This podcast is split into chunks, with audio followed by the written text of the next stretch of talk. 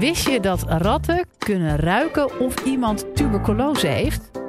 Hoe tof zou het dan zijn als wij materialen kunnen ontwikkelen die kunnen ruiken of je een bepaalde ziekte hebt?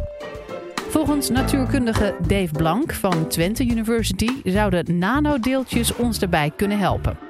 In deze nieuwste podcast beantwoordt hij dan ook de vraag: hoe kunnen we ruiken dat je ziek bent? Dit is de Universiteit van Nederland. We kunnen best wel goed ruiken met elkaar. En het heeft ook heel veel mensen geïnspireerd, het ruiken. Van, uh, ja, wat kan je allemaal ruiken? Zelfs zo dat er een uh, Star Trek-episode is waarin het ruiken centraal stond. Wat zegt hij? Hij heeft een apparaat ontwikkeld waarbij hij zegt dat hij kan ruiken wat voor ziekte de patiënt heeft. Dat is iets wat we eigenlijk ja, met elkaar best wel veel willen. We willen eigenlijk meten hoe onze gesteldheid is. Zelf uh, diabetes. Dus uh, nou, ik weet niet, is misschien ongetwijfeld in de zaal ook mensen zijn die dat hebben. En uh, nou ja, dan moet je glucose meten. Hè? Dus je zit eigenlijk altijd met zo'n etui. Zit je, eigenlijk is het best al ja, ingenieus in elkaar. Het is een, een stripje, doe je erin en wat bloed wordt er binnen gaat. Je maakt een druppeltje bloed.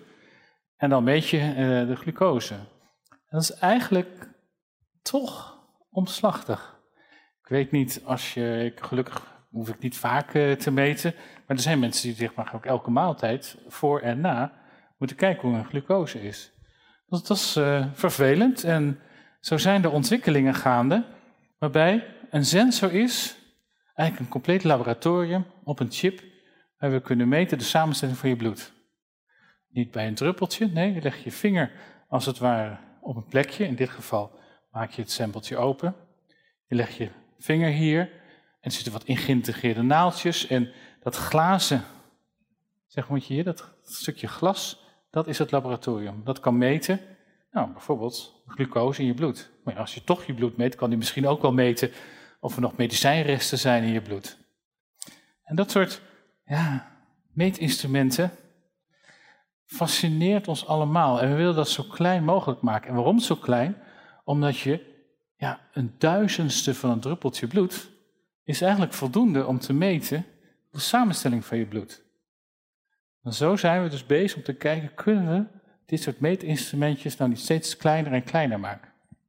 Een ander voorbeeld is, eh, tegenwoordig kan je ademtesters kopen. In dit geval is zo'n ademtester, je het lijkt op een soort alcoholtester, die zijn er ook. Hè? Zijn maar dit is eentje waarbij je bijvoorbeeld kunt kijken hoe de stofwisseling in je lichaam is. Maar het is best wel groot. Eigenlijk zou je dat gewoon in je mobiele telefoon willen klikken. Dat is ook iets waar we naartoe gaan kijken. Zou dat nou kunnen? Zou je dat zeg maar een sensor kunnen maken die zo gevoelig is dat je dat zou kunnen meten? Nou, we hebben nog wel een aantal uh, voorbeelden daarvan. Uh, het, het bijzondere is dat in die adem zit zoveel informatie. Uh, zoals ik al zei, misschien kunnen we wel uit de adem ventileren of iemand tuberculose heeft. Dus niet aan een kweek zetten en dan kijken of we, nou ja, tuberculose na een paar dagen, misschien na een week of zo, kunnen vaststellen. Nee, gewoon uit de adem. Nou, hier zie je een voorbeeld van een rat die gekweekt wordt. En die rat kan dat. Die kan dus ruiken of iemand tuberculose heeft of niet. En zo'n rat, deze rat die tuberculose zijn, is ook een rattenserie die kan ruiken of iemand bijvoorbeeld uh, longkanker heeft. Nou, dat heeft ons gebracht tot een idee. Zou je inderdaad iets kunnen nabootsen wat gelijk is aan onze neus? En dan moeten we eigenlijk gaan kijken van wat gebeurt er eigenlijk in jouw neus.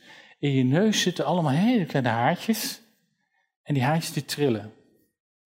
In feite zijn die allemaal een bepaalde functie hebben die. En als er dus in de lucht een bepaalde aroma is, of een alcoholgroep is, of wat ook, klikt die dan aan je haartje en dan gaat je haartje anders trillen. En dat geeft een seintje naar je hersenen van, hmm, dat is uh, aangebrande melk, of dat is heerlijke eau de cologne.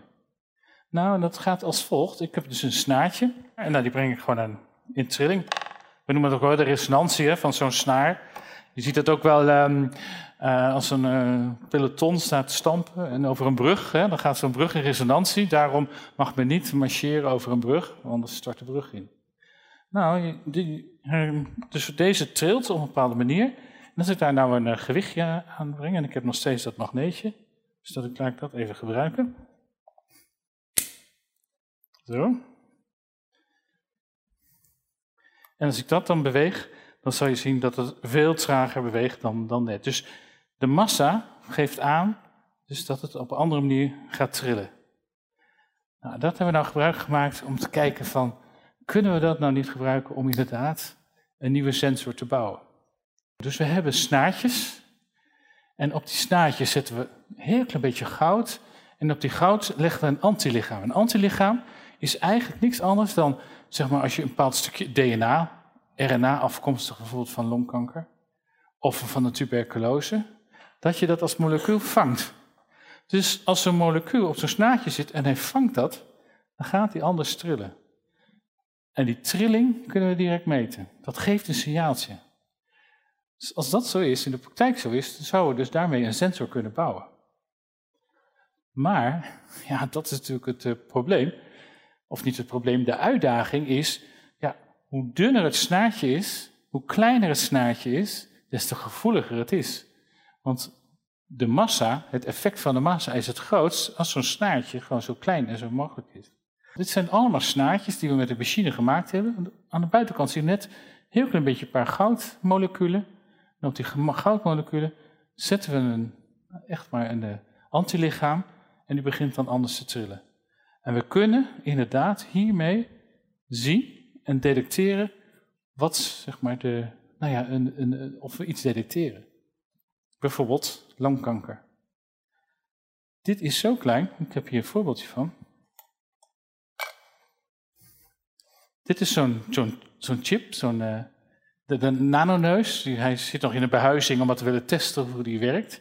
En dan gaan we kijken en je zou er al blazen dan zou hij dus mijn hele adem analyseren.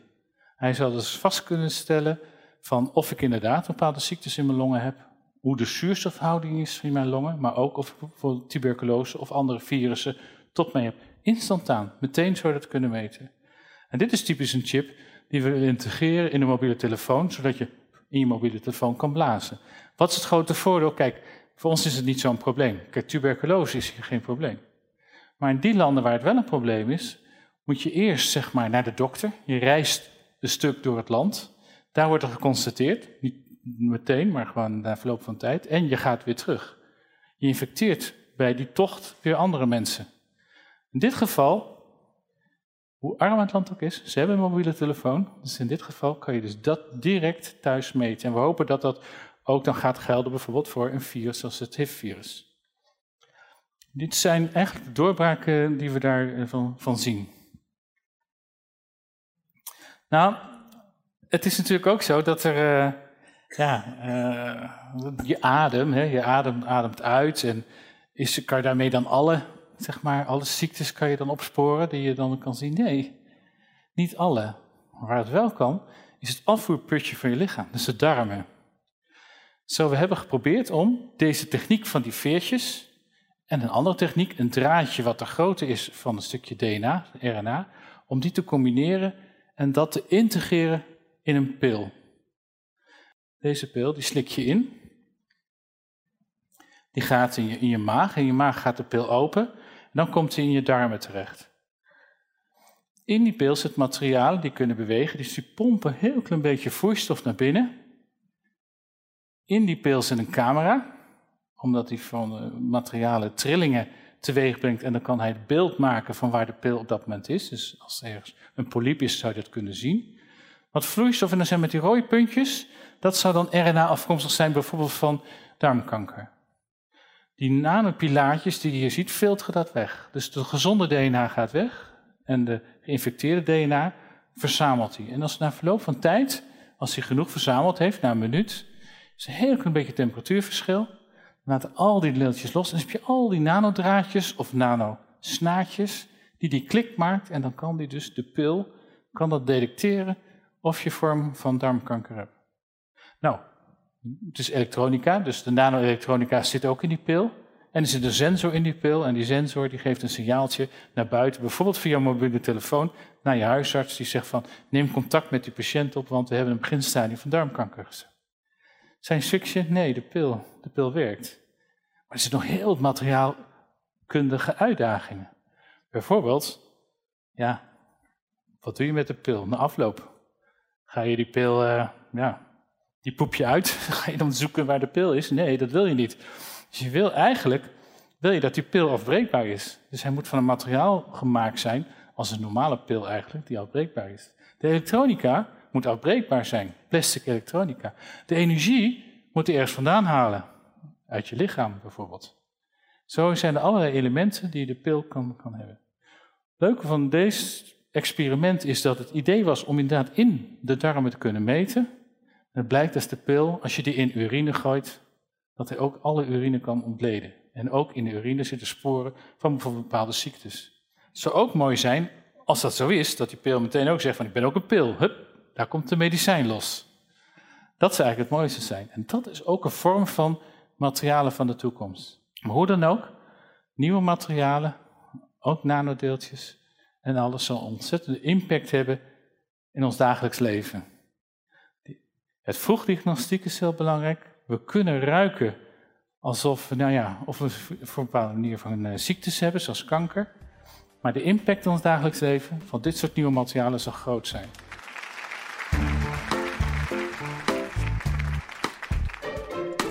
Dit was de Universiteit van Nederland.